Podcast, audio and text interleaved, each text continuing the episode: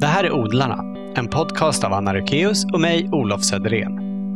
Odlarna ges ut i samarbete med Odlingstv. Och innan vi börjar vill vi tacka vår sponsor Nelson Garden för att de möjliggör den här podden. I det här avsnittet träffar vi konstnären och trädgårdsmästaren Linda Kjellén. Hon har sin ateljé i ett växthus på Överjärva gård i Solna, där hon också håller konstkurser och föreläsningar om trädgård. Och en del av er kanske känner igen henne från tv-programmet Bygglov. 20-talsvillan i Sundbyberg där Linda bor ligger inbäddad i en drömsk lummig trädgård med fina gamla äppelträd där växterna tillåts slingra och ta plats. Den här intervjun spelades in i början av september hemma i Lindas kök medan regnet öste ner utanför fönstren och hunden Ester snarkade i kökssoffan. Ester är för övrigt döpt efter husets och trädgårdens förra ägare. Varsågoda!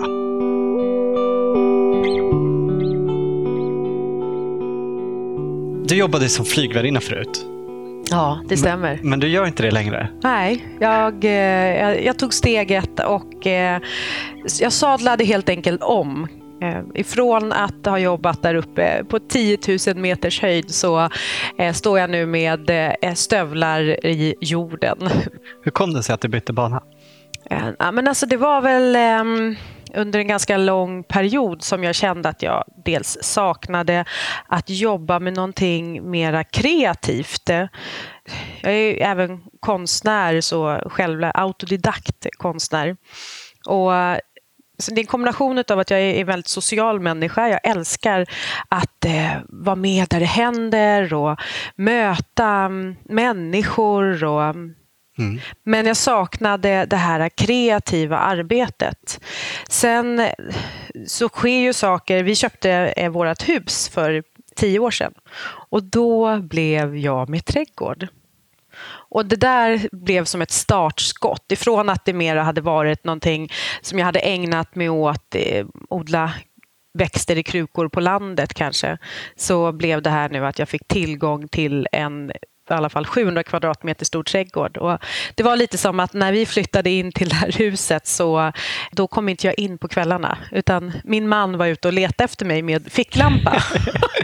och, eh, det kändes som att eh, jag hade hittat ett intresse som triggade igång samma kreativa centra som det gjorde när jag målar, det vill säga att jag glömmer tid och rum.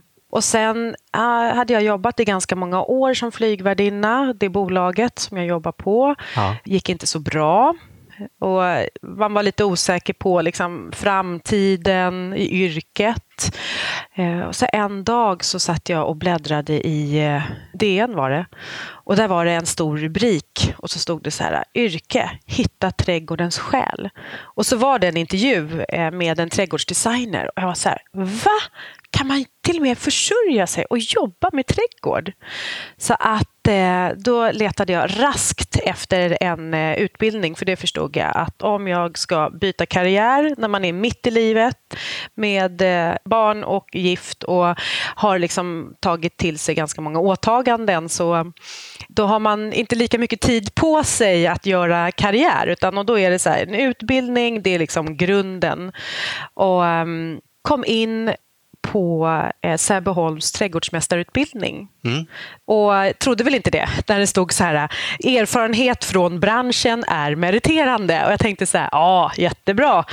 Så här, 13 år i en eh, aluminiumflygplan. Eh, så mycket erfarenhet hade jag inte, men jag var ju väldigt övertygad om att det här med trädgård, det är min framtid. Och det tror jag de förstod också när man var på intervju, att ja, men vi ska satsa på de där eleverna som faktiskt eh, verkligen är ja, säkra på vad de, att det här är någonting de vill jobba med.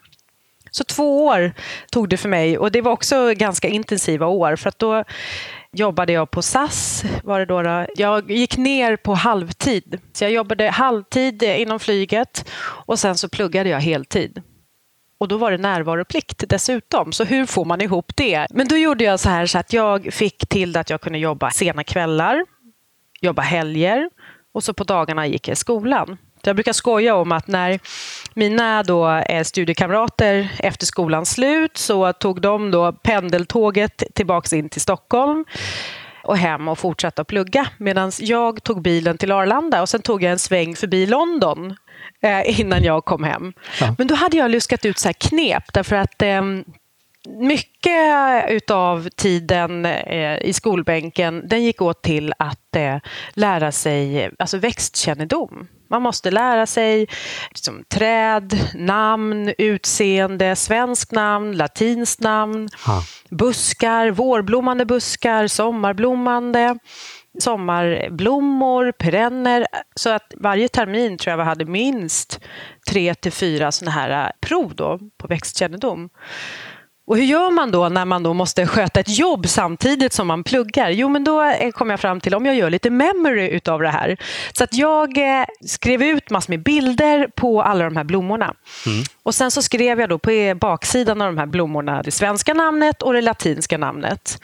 Och sen så stoppade jag ner den här högen, det var som en liksom, kortlek, i högra då fickan på min uniformskavaj. Eh, och när jag stod där i boardingen och sa hej, hej, morgon, välkommen, så stod jag samtidigt och rabblade då latinska namn och så tog jag upp den här lappen som det kanske var då lavendel på.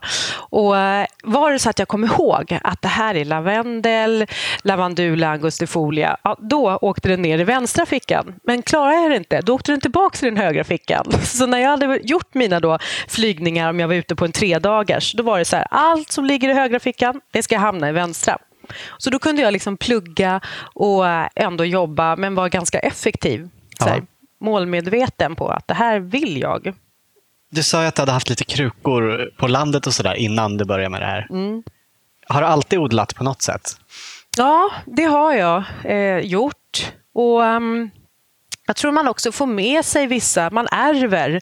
Och jag vet att min, eh, när vi var små, alltså min farmor, hon var väldigt noga med att på landstället, där skulle vi barnbarn då få egna små eh, odlingsytor där vi då fick så. Sen var det hon som tog hand om allting, men det var ändå så här, vi fick vara med i den där processen. Ja. Och sen min mormor var likadan, att hon, men hon odlade ju mera så som jag faktiskt odlar, det vill säga man odlar för att man vill försköna miljön där man vistas. Så, och det här var, det landstället var ute i skärgården. Väldigt kargt, alltså det är berg och är knappt någon jordvolym alls. De säckar jord man tar ut, de när regnet kommer drar med sig jorden ut med berget. Så att där får man liksom jobba med mycket krukor. Men hon fick verkligen bergen att blomma.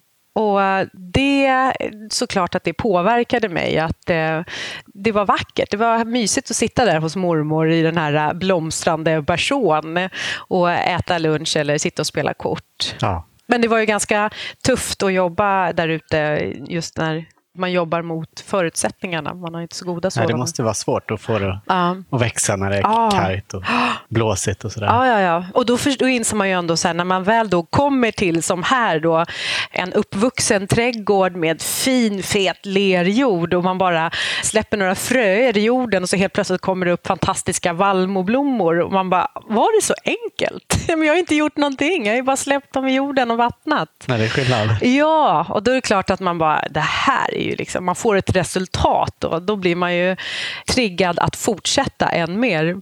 Vad ska man titta efter om man vill ha en trädgård och eh, vill att det ska vara lätt och växa bra och bli fint snabbt? Ja, då ska man ju ändå gå på, alltså om man tänker på växter, växtval, så ska man ju gå på säkra kort och säkra kort, de hittar man i de offentliga planteringarna. Så är man om man besöker en eh, offentlig park eller vid en parkeringsplats kanske man har gjort vackra planteringar med nävor eller något. Kopiera de växterna. Ta fram telefonen och sen så ta ett foto och så visar man upp det i trädgårdsbutiken och bara du den här perennen såg jag mitt i rondellen. Det måste ju ändå vara ett säkert kort. Och då bör eh, trädgårdsbutiken faktiskt veta vad det är för någonting man har. Så att säkra kort. Ja, och vet de, de inte ja. det, då ska man gå till någon som vet det. Precis. För då ja, är det inget det, bra ställe nej, att handla på. Men det precis så. Man kan ju faktiskt göra en sån liten egen test där och se ifall, hur ligger kunskapsnivån till här på den här butiken. Mm. Hur kom det sig att ni hamnade i den här trädgården? Ja, Eh, vi bodde, alltså det är så klassiker, man bor i lägenhet, man eh, bildar familj, får sitt första barn, andra barnet på väg och då eh, bestämde vi oss för att nej, vi måste hitta ett hus med markplan. Ja. Oh, gud vad det vräker ner ute. ja. Det är som en dusch utanför fönstret. Oh, jag tänker på min dotter, hon ringde precis och sa att nu går jag från skolan och där kommer blixten också. Ja. Oj, oj, oj. Men, ehm, så att vi eh, helt enkelt vi letade efter hus. Ja. Och sen jag eh, var ganska bestämd på att jag vill ha ett gammalt hus. Jag vill inte ha ett nyproducerat hus. Jag vill känna det här eh, historien, att det är någon annan som har levt i det här huset. Det finns en vara... själ. Det finns en själ, ja. Någonting som är lite sådär spännande. Så att jag ville väldigt gärna ha ett gammalt hus. Och eh, det här blev till salu, vi var här på visning och det var bara ett, alltså var knappt som man kunde tänka sig att kan man ens bo i det där huset utan det var ett, eh, till och med ett beviljat rivningslov på det här. Så förfallet var det. Men vi var här och det enda som fanns kvar i det här huset då, som var ett dödsbo det var tömt huset, men det enda som fanns kvar det var den här kryddhyllan som jag har här i köket och nere i källaren så fanns det små askar med fröer i.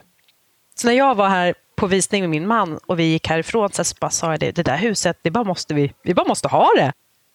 Just då för att jag hade sett de här fröerna där nere och jag kände så ansvar att de här fröerna de bara, de bara måste ner i jorden igen. Den här gamla damen som faktiskt eh, som trädgårdsmänniska måste ju det vara det mest fantastiska sättet att avsluta livet på. För det gjorde hon med krattan i handen här ute i trädgården. Men hennes fröer då, som hon hade samlat, de kom ju aldrig ner i jorden. Inte av henne i alla fall. Men du har satt ner dem? Ja, för vi blev ju ägare till det här och det första jag gjorde när våren kom, det var liksom att, fröså hennes, eh, som hon kallar det för, mammas höga blomma. Ja, som låg i en liten fin som plåtask. låg i en liten fin plåtask. Och jag brukar säga så att jag Vad blev det av den? Ja, precis. Nu är du nyfiken. Ja. Jag brukar säga så här att jag sådde de här fröna och de hade inte bara 100% grobarhet i min trädgård utan de hade det även i min själ. Så att ifrån några små fröer så blev det också nästan en start på att jag faktiskt valde att byta spår, karriär i livet eller arbete i livet och blev trädgårdsmästare. Mammas höga blomma, det var rosenskära. Ja, vad fint. Ja. Vill du beskriva er trädgård? Ja, alltså jag lever som jag lär, det vill säga för mig ska trädgården vara en plats där man får återhämtning, vila, där man slipper måsten och krav och stress. Så när min trädgård från början, när jag började bygga upp den, när jag började hamna i att jag var mera trädgårdsstressad, för att trädgården är ju oändlig. Och det är det som är tjusigt också, att det finns ju ingenting som säger att nu är det stopp. Utan, men när man börjar hamna liksom i att man inte riktigt kan njuta av det man har skapat, så då för mig blev det att då hade jag tappat liksom vägen. Jag hade tappat anledningen till trädgård. Så att jag var tvungen att dra lite i handbromsen och börja fundera på hur kan jag förenkla mitt trädgårdsarbete och hur kan jag liksom sänka mina, min ambition och mina krav på trädgården, hur jag vill att trädgården ska vara.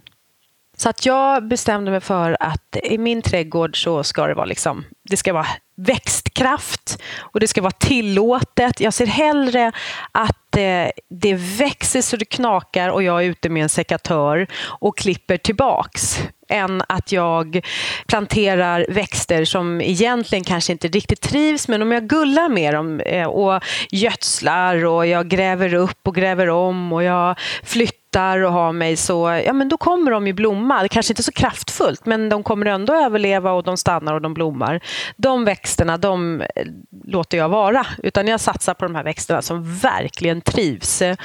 Och eh, när jag sen då behöver gå ut och beskära tillbaks så blir det en trevlig effekt för att då får jag dessutom möjlighet att skapa vackra blomsterarrangemang inomhus. Att jag vågar använda mig av växterna, att de inte bara är någonting som är för syns skull där ute i trädgården eller som när barnen var mindre, att, att då göra planteringar med vackra pioner vars blommor man var så rädd om så att de fick inte spela fotboll på gräsmattan. Nej, men det går bort. Det ska vara en välkomnande trädgård och, och är trädgården då lite mer vildvuxen så blir den också mer inbjudande, den blir förlåtande. Man liksom smälter in där i trädgården. Så att jag har en vildvuxen trädgård som eh, minskar min trädgårdsstress. Gör den. Har du något tips på växtval som gör det så där enkelt? Ja, framförallt att man satsar på de här säkra korten, det vill säga växter som trivs. Man ser att de trivs och det är de man ska fortsätta använda sig av.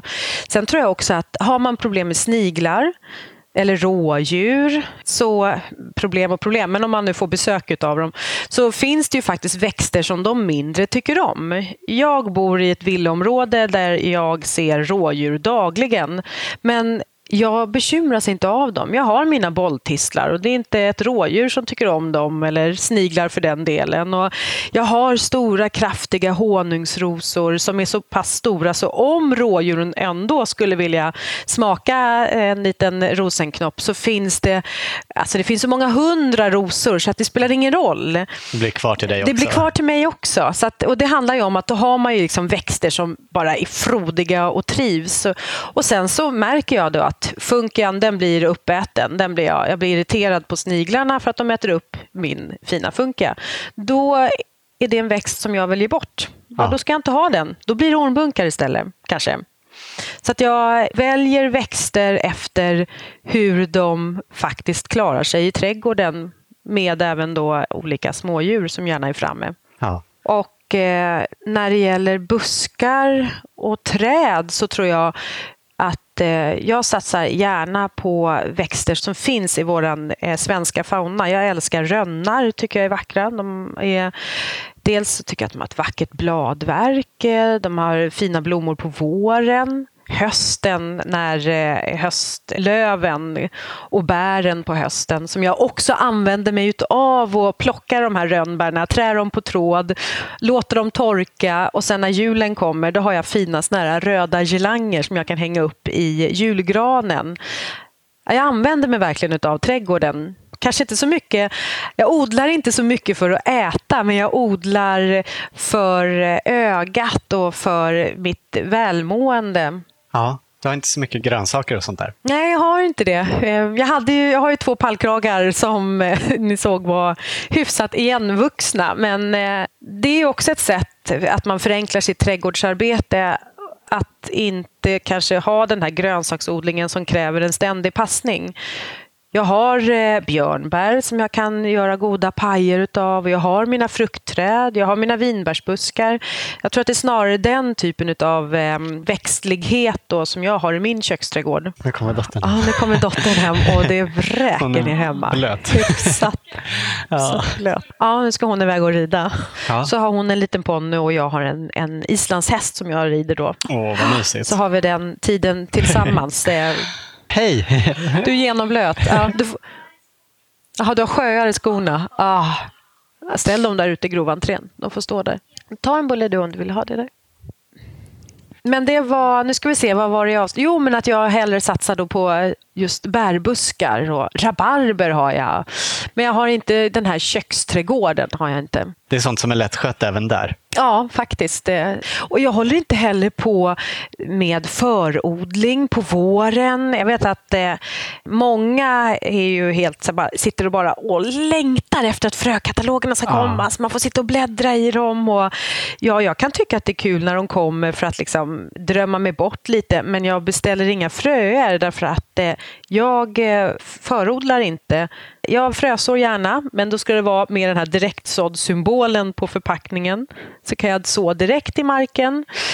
Eller också så åker jag till eh, trädgårdsbutikerna och så köper jag färdiguppdrivna småplantor. Och så säger jag att då adopterar jag mina växter. Och det är lika mycket kärlek i adopterade barn som egna barn. Så, att, eh, så resonerar jag. Ja. Jag har ju såklart haft en period i mitt liv när man var lite mer nybörjare inom det här med odling. Det är också så här typiskt klassiskt nybörjarfel som man gör. Man eh, vill ju ha allt när man kliver in i butikerna när de har dessa fröställ på våren. Det är som att kliva rakt in i en godisaffär. Man bara, vilka smaker ska jag välja? Jag vill ha allt. Mm, lite av varje. Ja, lite av varje, precis. Och sen så börjar man att så det här och helt plötsligt så, jag vet att jag det året sådde så här flitiga lisa. Jag tror jag hade sått 150 plantor flitiga lisor. Men, men, men, vad ska jag ha 150 stycken till? Ja, då odlar man kanske för vänner och bekanta. För att så var och en jag gick så fick de en liten eh, flitig lisa. Nej, så att jag, eh, jag odlar, eller jag frösår direkt i marken eller adopterar mina plantor. Hur mycket tid lägger du på att sköta trädgården? Ja, jag lägger lite tid på att sköta min trädgård. Jag vistas gärna i min trädgård, men i och med att jag har förenklat det här genom att valt den här typen av växter som inte kräver särskilt mycket skötsel, så är det egentligen på våren så har jag väl, lägger väl jag kanske totalt en dag på att vårstäda och gödsla min trädgård. Och sen eh, börjar det spira och växa och då är det inte så mycket mer annat än att bara gå liksom iaktta och bara förväntansfullt se vad som kommer upp på. Man glömmer ju bort från år till år, vad var det jag planterade? Och sen så på sommaren kan det bli lite bevattning, att jag får liksom ta hand om det. Men det försöker jag också minimera att eh, ha växter som faktiskt behöver vattnas. Utan är det så att de torkar så eh, hoppas jag väl på att det blir en, en bättre odlingssäsong året därpå, att de då kommer tillbaks istället. Och sen ja. på hösten så är jag ute och höststädar genom att kratta bort löv på gräsmattan eller kanske kupa lite kring eh, rosorna. Sådär. Men jag eh, ett par timmar på hösten och ett par timmar på våren. Det är inte mycket? Nej, det är inte mycket. Men jag, eh, jag vistas i trädgården och huset är ju så... Mm, när jag skapade den här trädgården så var det viktigt för mig att hus och trädgård hänger ihop. Att inte huset står bara som liksom en skulptur mitt på tomten utan jag vill att trädgården ska liksom nästan så krypa in på huset. Så det ska nästan suddas ut den här gränsen mellan hus och, och trädgård. Det ska finnas en fin sån här förankring i marken av huset. Så att, och så är det som här i köket så har vi en glasveranda och precis utanför glasverandan står en enorm jasmin. Och det är bara, kan det vara en 30 30-40 centimeter från fönsterrutan. Många hade kanske sagt så här, men ta ner. Men jag tycker bara att det känns som att jag sitter in under den här jasminen och trygg känner jag mig då. Att man sitter liksom i skydd, som i en berså fast jag sitter inomhus. Härligt att kunna sitta i en berså hela året. Ja, hela året sitter man i en berså. Och sen är det så härligt med att man har en stor sån här glasveranda för då kan man också, man sitter liksom som i ett, um, ett sånt här fönster där man bara är mitt i händelsernas centrum här utanför. Jag har den här honungsrosen på portalen som visserligen har kapsejsat nu efter den här regniga sommaren men på hösten så brukar det vara så här, det är en eller två dagar och då kommer hela skogens domherrar.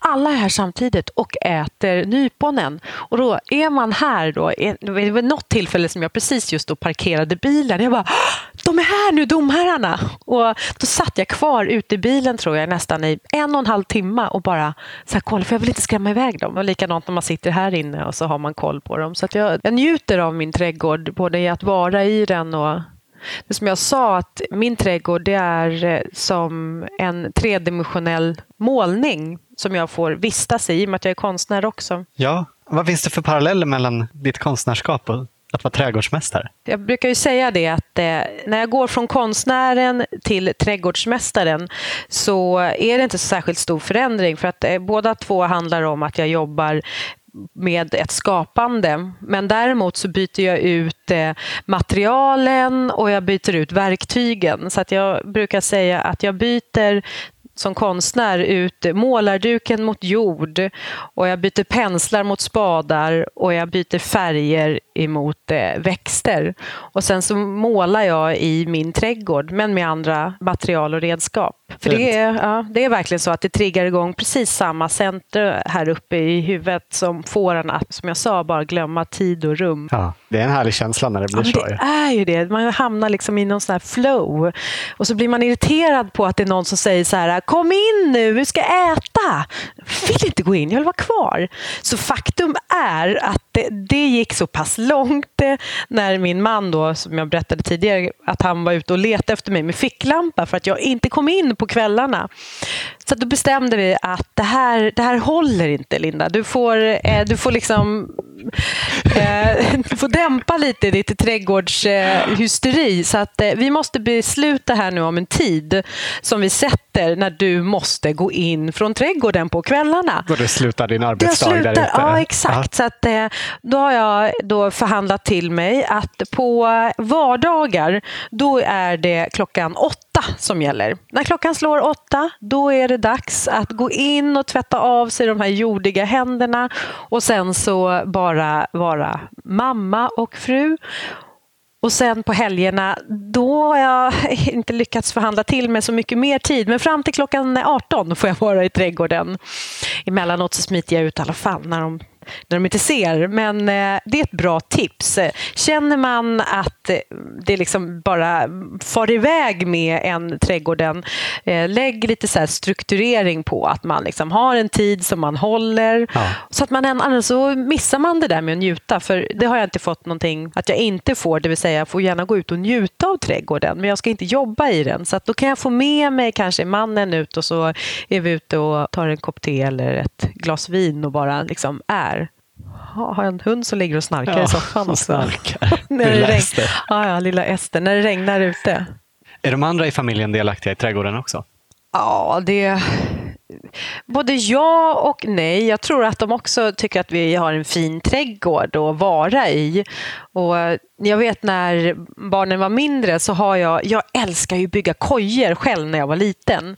Och um, då har jag en hemlig gång här på baksidan av huset och den hemliga gången den är in, liksom, slingrad in under humle och kaprifol och jasmin och vildvin. Så har jag liksom bara eh, så här, klippt upp en gång där inne och sen leder den gången upp på berget förbi vårat hus och så kom man fram på framsidan av huset. Och den där hemliga gången, den tyckte ju barnen själva var väldigt roligt att gå i och då la jag ut så lite läskiga grejer där inne. Det var så här, någon spindel som hängde ner. Det var kanske främst jag som tyckte det var väldigt läskigt med spindlarna.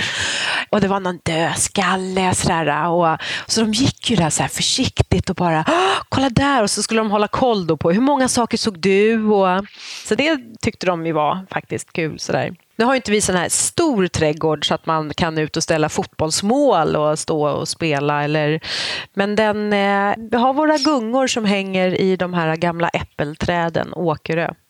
Bara det, ha så pass stora härliga äppelträd som man kan hänga upp gungor. Ja, gamla fina träd. Gamla fina. Det var en av anledningarna till faktiskt att jag bara kände att det här huset bara måste vi ha.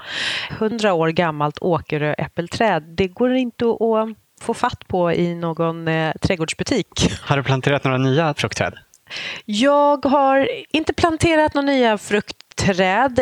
Däremot så har det frösått sig och alltså, saker och ting är välkommet att fröså sig här i min trädgård. Jag tycker att då blir trädgården som mest spännande. Eh, så att en fläder har frösått sig och den växer så knakar. Och sen har jag själv planterat en rönn som heter rosmarie som får såna här eh, väldigt eh, mjukt rosa bär på hösten och har lite mer gråaktigt bladverk som jag är väldigt förtjust i. Det är väl egentligen det enda trädet som jag har planterat. Jo, jag har ju faktiskt planterat ett annat träd och det är ett päronträd som jag själv då har gjort eller gjorde under eh, utbildningen så fick vi då göra ympningar och då ympade ja. jag in just ett litet päronträd, svagväxande päronträd. Och det växer så svagt nu så att det ligger någonstans in under björnbärsbuskarna där borta. Ja, det håller på att drunkna i björnbären. Jag ser det varje vår och då ser det så himla fint ut och sådär. Och så blir jag lite stolt och sen så drar växtkraften runt omkring det här svagväxande päronträdet igång. Mm. Så björnbären att, brukar vara tacksamma. Ja, björnbär. Eh, vi har björnbär och det är kantnipetan som liksom växer upp och bolltistlarna och sen har jag ju den här helt tokiga klimatisen Summer Snow. När jag började här i trädgården så ville jag, jag satsade ju på allt som bara växte så det knakade för att man ville ju få upp den här grönskan. När vi väl hade flyttat in i det här huset så byggde vi ut huset. Och när man bygger ut ett hus så är det grävarbeten och då blir trädgården ganska så um, demolerad. Så det här var bara en enda stor lervälling. Och jag vet att grannarna var alldeles bekymrade därför att det var ju, eh, sprehäcken var liksom inte ens kvar. Det var ju full insyn. Så att eh, då satsade jag på allt sånt där som bara växte så snabbt och, och bland annat då klimatiskt som jag så här, upp på portaler, på eh, baksidan av huset, eh, upp mot väggen. Men du vet, det blev ju sån djungel. Min man, han var det helt tokiga växter du har. Så att, men det blir ju väldigt lummigt och fint. Ja, det blir ju väldigt, det blir ju kojor utav det. Ja. Det blir lite såna hemliga gångar även för mig. Men det gjorde att portaler rasade och växtstöd de rasar. Och, de var underdimensionerade ja, för precis. Och jag försöker binda upp och sen så rasar det igen. Så nu har jag bara låtit två stycken klimatis här bakom av Summer Snow bara få vara. Men eh, då letar ju de sig upp i körsbärsträdet. Helt plötsligt hittar jag liksom, men gud, blommar körsbärsträdet nu? Vita fina blommor mitt i slutet på juli. Nej, nej, nej, då är det en, en arm av klimatisen som har dragit upp där. Fast jag tycker ändå att det är lite sådär, äh, spännande. Den får gärna äh, sköta sig själv lite. Ja. Mm. Du sa förut att trädgården inte är så stor. Nej. Men den känns ganska stor för att jag tror det är för att den är avdelad i så många olika rum. Ja, precis. Och det är väl egentligen, man pratar ju mycket om att skapa rum i sin trädgård.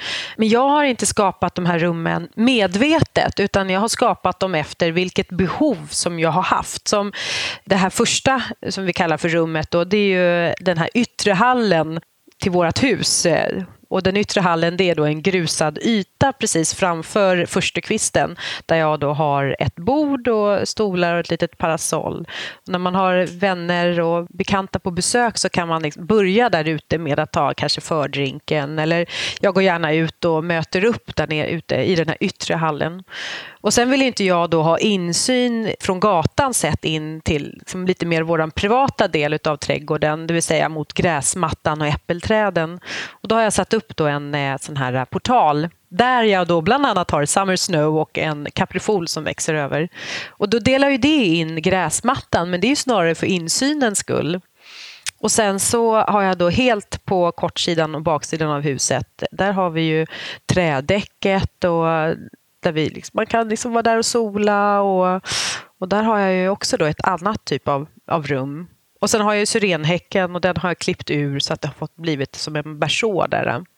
Så att nog eh, upplever man den som olika rum, men det har skett helt omedvetet. Är det så med trädgården att den förändras efter er? Eller har du haft någon sorts plan från början? Den förändras nog efter... Alltså ju mer jag lär mig om trädgård, för även om man nu har gått den här, eh, och jag är utbildad trädgårdsmästare, så har jag den teoretiska utbildningen, men efter det så krävs det många års eh, livserfarenhet med trädgård och praktik med trädgård och jag lär mig något nytt varje säsong. Och jag förstår växter och eh, både rent så designmässigt, det är som att jag, jag planterade nu nyligen eh, några flikrabarber lite längre bort i trädgården för att de har såna otroligt stora häftiga blad. Och de bladen liksom tillåts att man ser dem lite på avstånd. För att de är så kraftigt och så stora så att de försvinner inte in i alla dessa små blad och bara blir en grönska. Men då tänker jag så här, det där vill man ju se på avstånd. Så då blev det att de placerades då lite längre bort i trädgården. Och sen när då jag, målar ju gärna då med växterna. Så när det blåser så kan de här bladen vändas lite, upp, lite ut och in eller upp och ner. Och då kommer en annan färg fram på baksidan av bladen och den går lite i, så här, i rostrött. Och då har jag placerat ut då en eh, utemöbel som jag har målat då i samma roströda färg. Samma färg som vi för övrigt har på plåttaken på huset. Så hänger det här möblemanget som står en bit från huset ändå ihop med huset och växtligheten hänger ihop med möblemanget. Och sen tänkte jag så här, det här skulle vara himmelens snyggt med någon hortensia. Jag var nere på Norrvikens trädgårdar här för två veckor sedan och där har de ju bara en plantering med hortensior så att man tror att man bara går mitt i några så här tårtor och gräddbakelser. Alltså, helt fantastiskt, vilken blomning. Ja. Jag kände att jag måste ha några hortensior hemma. Och då valde jag då att köpa några hortensior som har den här roströda tonen. Och så får de då eh, hänga med då den här flikrabarben, utemöbeln och, och så sprang jag på någon jättevacker ros, eh, en sån här Austin-ros som heter William Morris, som också har den här tonen i bladverket. Och dessutom så har vi en tapet här inne i huset då från eh, William Morris. Så då kände jag också så här, ah, röd tråd, det hänger ihop. Så det är klart att eh, trädgården förändras och det finns ingenting som är... Vissa saker planerar jag, men väldigt mycket kom bara till utav... Jag, jag är nog väldigt... Eh, och nu hittar jag inte ordet. Eh, Impulsiv? Ja, precis. Tack. Impulsiv. På ett sätt eh, som ändå, men ändå impulsiv med någon form av eh, ansvarskänsla. Att okej, okay, kommer det verkligen funka i, i trädgården? Du pratar om att det hänger ihop i trädgården, men du har också en del grejer som sticker ut. Ja, precis. Det är också ett sätt sådär, att förenkla, nämligen jag eh, lurar gärna besökarna i min trädgård genom att eh, om jag nu, som jag har här ute, som alla har i sin trädgårdar, man har vissa delar av trädgården som man kanske har lite skräpigt på. Själv så har jag det där jag liksom har komposten och gräsklipparen och jag har krukor. Jag har växter som jag ännu inte har planterat ner som står. Och, ja, det, är liksom, det samlas lite i, i den hörnan. Och Det är ingenting som jag bara vill skylta med. Men Nej. jag har inte liksom möjlighet att gömma undan det, utan det står där. Men då kan man jobba just med sån här blickfång. Det vill säga, jag medvetet ställer ut något i trädgården som är oväntat som man lite hajar till. Vad Farao är det som står där borta? Och så drar det blicken till sig och i mitt fall så är det en jättevacker guldfärgad vas som eh, speglar sig, ljuset bara speglar sig där Så att den där går inte att undgå för blicken utan man tittar bort där och då i det ögonblicket då vänder man också bort huvudet ifrån den där skräpiga hörnan. Så att det blir ju också ett sätt att eh, lura ögat. Och dessutom så skapar ju de här blickfången också en rörelse i trädgården. Det vill säga, ser jag, jag fungerar så, ser jag ett blickfång, då vill jag gå fram närmare en skulptur, det kan vara en vacker stam på ett träd eller en eh, soffa som står utplacerad. Då vill jag gå fram och så vill jag titta nära och då blir det också som en automatisk sån här rörelse i trädgården. Jag vet inte om ni tänkte på det, att det, i min trädgård så finns det väldigt få återvändsgränder. Utan jag vill att man hela tiden ska liksom kunna gå vidare. Även om det betyder att man får gå lite på en smal stig och ducka lite för en eh, syrenkvist så är det ändå att det tar inte slut någonstans utan man leds vidare och leds tillbaks från ett eh, annat håll. Så det är att jobba både på det viset då med blickfång och gömda gångar. Men sen jobbar jag ju också med att jag gillar att skapa, det här, trigga igång alla sinnen. För det är väl det som jag tycker är tjusningen just med trädgård, att den verkligen gör det. Den triggar igång alla sinnen. Inte bara då, som sagt, för ögat, och, utan även hörseln. Prydnadsgräs eller bambu när det kommer en vindpust och de bara liksom rasslar i vinden. Jag har ett elefantgräs här ute och på eh, hösten när jag är här ute i trädgården och det är alldeles lugnt så, där, så kommer en liten vindpust, bara liten, liten sådär. Då börjar det rassla det där och då tror jag att det är någon som är inne i trädgården. Bara, vem, vem är här? Men då är det mitt elefantgräs. Och det är också så här, det triggar det där sinnet här uppe. Och det, det kreativa sinnet då. Och så dofter.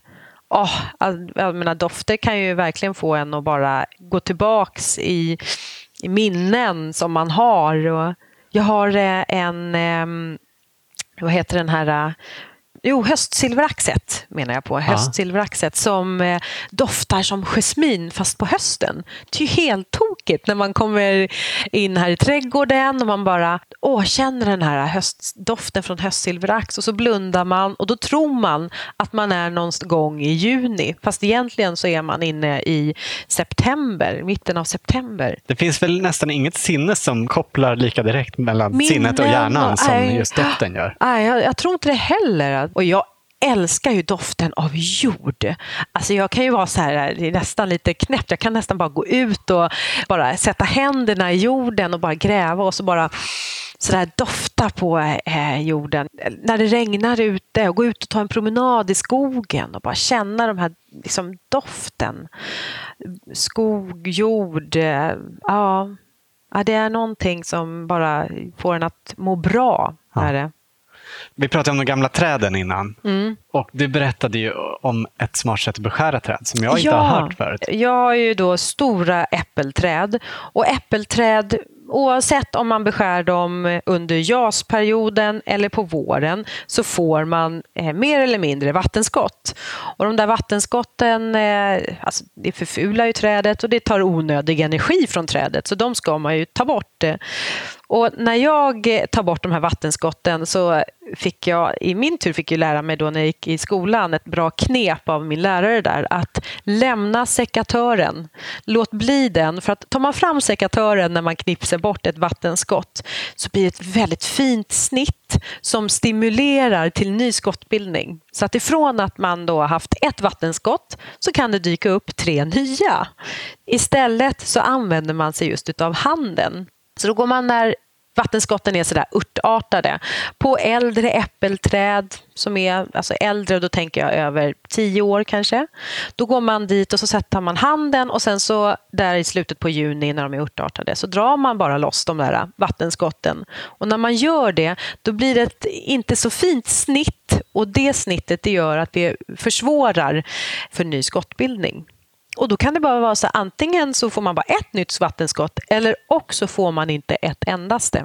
Det är lite tvärtom mot hur man alltid hör. Man, ah. Det brukar sägas att man ska ha en sån vass sekatör ah. för att få fina snitt ah. så att det läker bra och inte kommer in bakterier precis, i, ja. i sårytan. Och där. Men just när de är så pass små så är det ingen fara. Men, och det där kan jag emellanåt eh, tycka kan vara lite dilemma när det kommer till trädgård. Därför att ofta så kan det uppfattas som att det är så komplicerat med trädgård.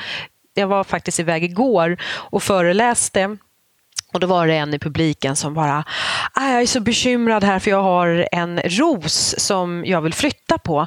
Men så läste jag i en så här rosbok eh, då, hur det ska gå till. Och då skulle man en månad innan man börjar eh, och ska flytta rosen beskära rötterna. Han bara, ah, för det första, hur beskär jag rötterna? Liksom? Mm. Och när jag väl hade beskurit rötterna ska jag vänta och sen när det är dags att flytta den här, då ska jag först vrålvattna växten så att den liksom har sugit åt sig vatten. Sen ska jag klippa ner den och sen ska jag flytta den och så ska jag, i och med att det är en ros, så måste jag byta ut större delen av jorden. Så den här mannen han sa så här, jag orkar inte, orkar inte flytta den för det var så krångligt. Och jag tänker så här, men Gör det inte så avancerat. Det är väl en sak om man jobbar rent professionellt och anlägger en trädgård åt någon eller sköter en trädgård. Då måste man ju hålla sig liksom till de här precis exakt hur man bör göra. Men när man jobbar i sin egen trädgård då är man ju faktiskt den som själv bestämmer och då kan man ju faktiskt även förenkla det. Själv så skulle jag väl, om jag hade haft den där rosen, så hade jag eh, förberett den nya växtplatsen med antingen ny rosjord eller också en eh, jord som jag har blandat upp med kompost och kogödsel eller barkmull. Och sen hade jag eh, grävt upp rosen och satt ner den på den nya platsen och sen hade det inte varit något mer med det. Men det är ibland som att det blir så väldigt komplicerat med trädgård. Tror du många är rädda för att göra saker för att det verkar så svårt? Ja, det tror jag. Och jag tror också det här med när det kommer till att beskära växter. Och jag tror att det sitter långt inne för många att sätta sekatören i buskar eller träd. Och jag menar, det är ju jättebra för man ska passa sig för att fälla till exempel ett träd allt för lättvinnerligt. Men däremot så ska man inte vara rädd för att gå in och beskära. De allra flesta flesta växterna de mår bra av om man sätter sekatören i dem emellanåt så att de får eh, en liten föryngring och får växa på sig på nytt. Då. De blir fräschare och dessutom friskare och blir de friskare eller så, då står de också emot många olika växtsjukdomar. Så att våga och beskär växterna. De, det kan ju vara läskigt. Jag minns när jag ja. hade köpt ett nytt eh, litet äppelträd med flera oh. sorter ympat på. Och sådär. Ja.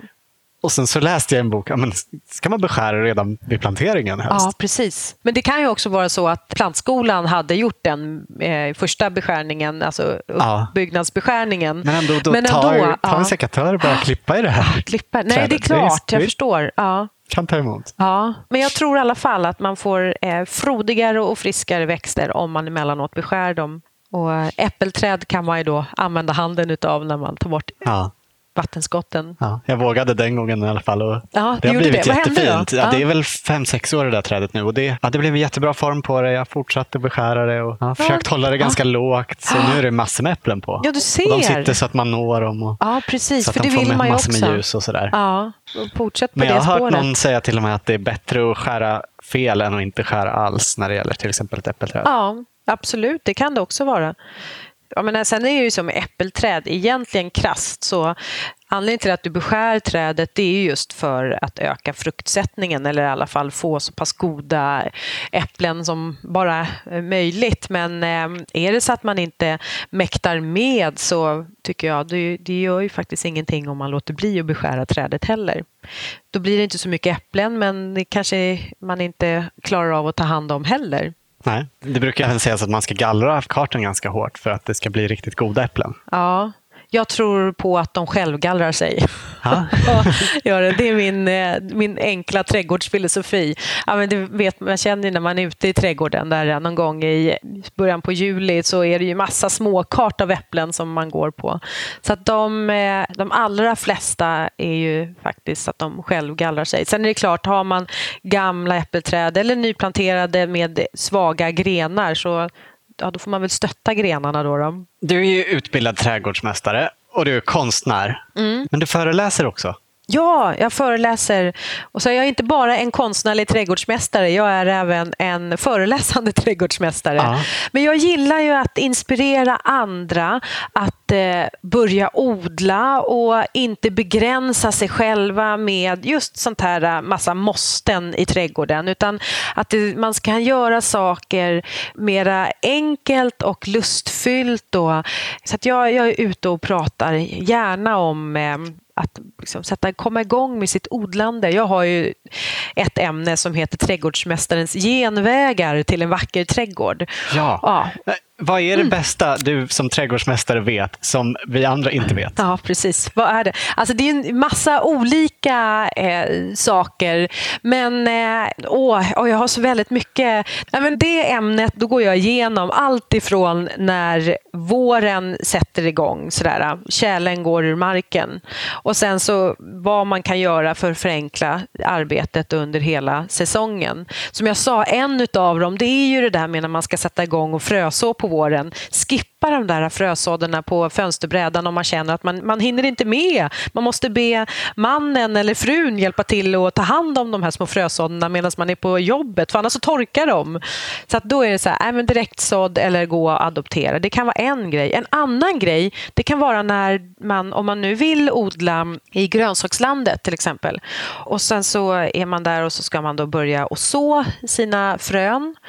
Men innan det är dags för sådd, två veckor innan, då lägger man på fiberduken. För under fiberduken, där blir det ju så här äh, tre plusgrader varmare, tre, fyra plusgrader varmare. Och vad triggar det igång och börjar växa? Jo, ogräset. Så när ogräset väl har börjat att växa upp så drar man bort den här fiberduken och sen så gör man första ogräsrensningen. Sen är det dags att så. Och Det är också ett sätt att minimera... Ja, då eh, slipper man de första frögräsen. De första frögräsen. Ja. Och då har man lite mer bättre koll på när ens egna, då, det man har frösått, kommer upp. Så det är en sak. Jag älskar ju fiberduk, alltså, för det får en att rädda många växter. Både på våren då när man pratar att härda av växterna men även på hösten när de här frostnätterna kommer igen. Och sen så gör jag såna här, jag gillar ju då om man du som, som jag då har då en hyfsat vildvuxen trädgård så är det liksom vildvuxet då behöver man ha vissa partier som är väldigt städade, det vill säga formklippta buskar kan behövas.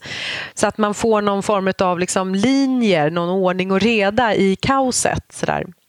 Så att eh, en sån, det kan vara det här att lägga i en eh, kant mellan grusgång och gräsmatta en liten insats som ger stor effekt. Jag har hört någon säga att det är trädgårdens eyeliner. ja, det stämmer. Jag har lagt ner en här nu. I år har jag lagt ner en sån här. Ja. Och, och, ett tips då på när man då ska göra detta, det är ju att använda trädgårdsslangen för att markera upp då hur man, vilken form man vill ha den. Ja. Jag gillar ju så här husmorsknep när det kommer till trädgård. Men man får väl nästan komma och lyssna på mig då när jag pratar så att jag inte berättar om alla här. Nej, det skulle jag behöva göra. Ja, skulle, ja, sen, sen är det ju så här att man kommer ju på också när man jobbar i sin egen trädgård. Och jag tar tacksamt emot andras tips på just så här husmorsknep, hur man jobbar. Ja. Du verkar ju ha ett ganska avslappnad inställning till din trädgård. Ja, det har jag. Är det aldrig stressigt eller motigt eller att du får dåligt samvete för någonting? Jo då, så är det ju. När jag ska ha besök i min trädgård, det kommer några och ska spela in en podcast och jag ska visa upp den, då kan man känna så här, åh, jag vill visa upp det finaste. Ja. Eller om jag har, jag har ju varit med en del även i olika mm, Eh, tidningar med massa olika trädgårdsreportage. Och det är klart att jag då känner att jag vill liksom styra upp trädgården lite. Å andra sidan så är väl just det här då lite mer vildvuxna som man vill åt. Så att på något sätt så vill jag ju inte städa. Då städar jag lite bort det som är min personlighet som syns i trädgården. Men jag, jag, känner att det var nog, som jag beskrev det tidigare, när jag drabbades av den här trädgårdsstressen och insåg att nej, jag måste liksom börja och sätta ett ramverk på hur jag ska förhålla mig till min trädgård och när jag då började välja just växter som inte behöver gullas med eller den här kanten då mellan gräsmatta och grusgång. Så att, eh, det känns ändå som att jag kan ha oväntat besök i min trädgård utan att jag eh, behöver vara här hemma och liksom städa i den. Och Sen tror jag alla tycker att det är ganska så skönt att få komma hem till någon som inte har det så där perfekt heller. Jag vill ju att man ska kunna komma hem till mig och sätta sig antingen om det är ute eller inne, liksom bara slå sig ner i soffan och känna att man trivs här. Man känner att man inte är i vägen. Eller är det viktiga, att, att, man trivs i det. Ja, och då kan det ju inte vara för pedantiskt heller. Jag vet att vi eh, hade ett par vänner som hade lagt ut grus i rabatterna. Och Det var vitt grus på ena stället och det var svart på något annat ställe. Och Så kom vi dit med barnen och de bara “Åh, vad kul!” och så började de liksom att gräva i det här och blanda grussorterna och jag var så här “Åh nej. nej, nej, nej, nej, nej!” Och det känner jag att Alltså det var ju hur snyggt som helst men det var ju väldigt svårt att besöka den typen av trädgård för det gjorde ju att eh, jag själv då fick ha mera koll på mina barn än på att faktiskt vara där och umgås bara för att jag vill inte ställa till det. Så att eh, på det viset så hoppas jag på att man när man kommer hem till oss så gör det ingenting om man sätter foten fel så att något eh, alunrotsblad eh, går av utan det växer upp ett nytt. Ja. Men sen har jag hund och jag har ju, jag har ju många som använder sig av trädgården också så att det är klart då tror jag det är viktigare att tänka på att man inte har allt för, för giftiga växter i sin trädgård utan det är också ett orosmoment om man har eh, mm. tibast eller något att eh, om man nu har barnfamiljer som kommer att hälsa på eller, eller hundar för den delen och katter också. En välkomnande trädgård. Du skriver på bloggen att hösten är din favoritårstid. Mm. Varför? Därför att eh, det är då som lugnet Eh, infaller sig för trädgårdsmästaren. Och det är också som att man har haft en hel växtsäsong som har varit fylld med ganska mycket så prestation. Och där någon gång i september så börjar så här trädgården och förbereda sig för vintern och själv börjar man väl lite att förbereda sig för att också gå lite i det. Det finns inte så mycket att göra annat än att bara så njuta av det som sker i stunden att titta på de här, om det är ringblommor som precis bara så här gör den sista blomningen och att man, ehm, det finns inte så många nya projekt att dra igång i. Såklart kan man höstplantera men eh, jag föredrar att plantera på våren så att växterna hinner rota sig under en säsong innan vinter och tjäle kommer i marken. Så att jag, jag tycker bara att det är en härlig tid där man får njuta utav lugnet i trädgården. Och sen är det såklart där man kan gå dit ut och så skaka ner ett äpple och, och, sätta sig och äta. Det är ju då det är dags för skörden. Och ja. Om man nu vill samla nya fröer, precis som Ester gjorde här, som bodde i huset innan oss. Kanske det växer upp en ny trädgårdsmästare ja. när man sår.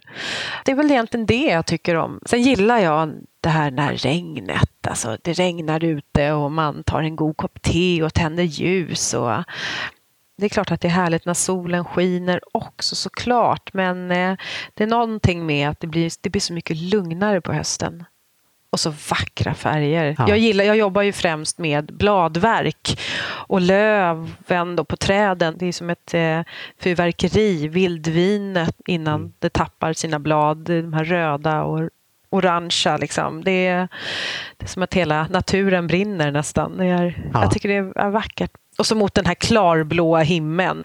Och det är väl också det konstnärliga kanske i mig då att jag ser de här färgerna. Och det får mig att bara må bra och känna mig så här, att man är glad att man lever och får ta del av allt det här. Ja. Vi måste börja runda av för du ska iväg och rida med din dotter. Ja, precis. Ja. Är det något mer du tycker vi borde prata om innan vi slutar?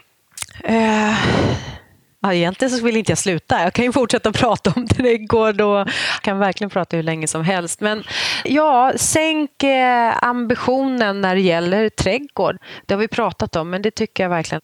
För det är så tråkigt om man nu flyttar in i ett nytt hus och sen så har man en trädgård, men man ids inte att sätta igång och gräva i den för då vet man att det bara skapar massa extra jobb. Men när det inte behöver vara så utan att man faktiskt eh, kan skapa en trädgård och prunkande sådan med lite arbetsinsats om man väljer att göra det på sitt sätt utan pekpinnar om vad som är rätt eller fel. Det är ens egen trädgård och då är man själv konstnär i den. Så att ut och eh, våga och sätta igång och odla. Det är inte så avancerat. Nej. Och till sist då, vilket är ditt bästa odlingstips? Mitt bästa odlingstips?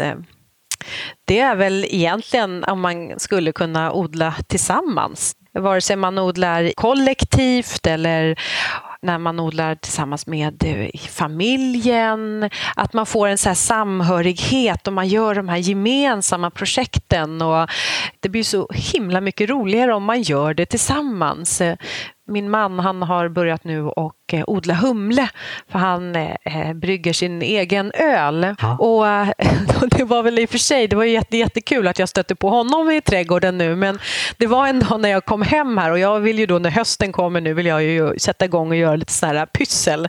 Så att jag eh, brukar göra sådana här humlekransar, det vill säga jag tar kottarna på humlen och så gör jag så här vackra kransar och jag har ju så många dörrar både i min ateljé och sen här hemma så att jag behöver verkligen de här kottarna.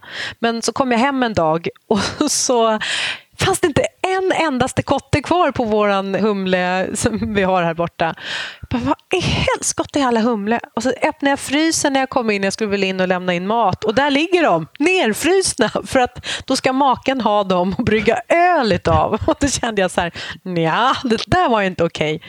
Men nu har, eh, nu har vi gemensamt planterat då humle åt honom som han har specialbeställt eh, utomlands ifrån. Men det är också kul, för kan vi sitta och, och snacka om de här att humlen och att man gör någonting gemensamt, odla tillsammans. Det är ja. väl mitt så här, råd. Tack så jättemycket för att du tog dig tid och för att vi fick komma hit. Tack själva, att jag fick vara med, att ni ville lyssna på mig.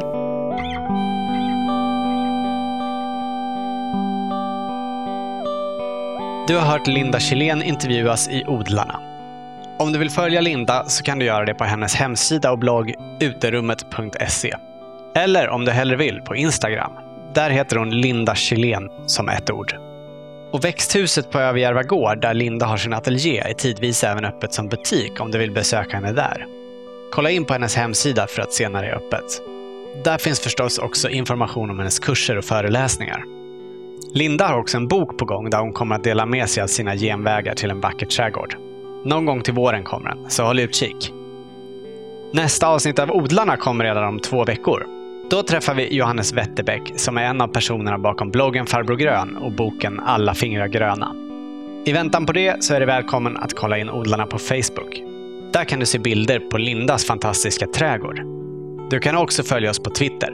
Där heter vi Odlarna Podcast som ett ord. Tack för att du lyssnat och stort tack igen till vår sponsor Nelson Garden som möjliggör den här podden. Redaktör var Anna Rökeus. Jag heter Olof Söderén. Och vill du följa oss och vår odling så kan du göra det på spenatistan.blogspot.se. Och har du några synpunkter eller önskemål om vem vi ska intervjua så går det alltid bra att mejla till odlarna.podcastgmail.com Ha det bra! Hej då!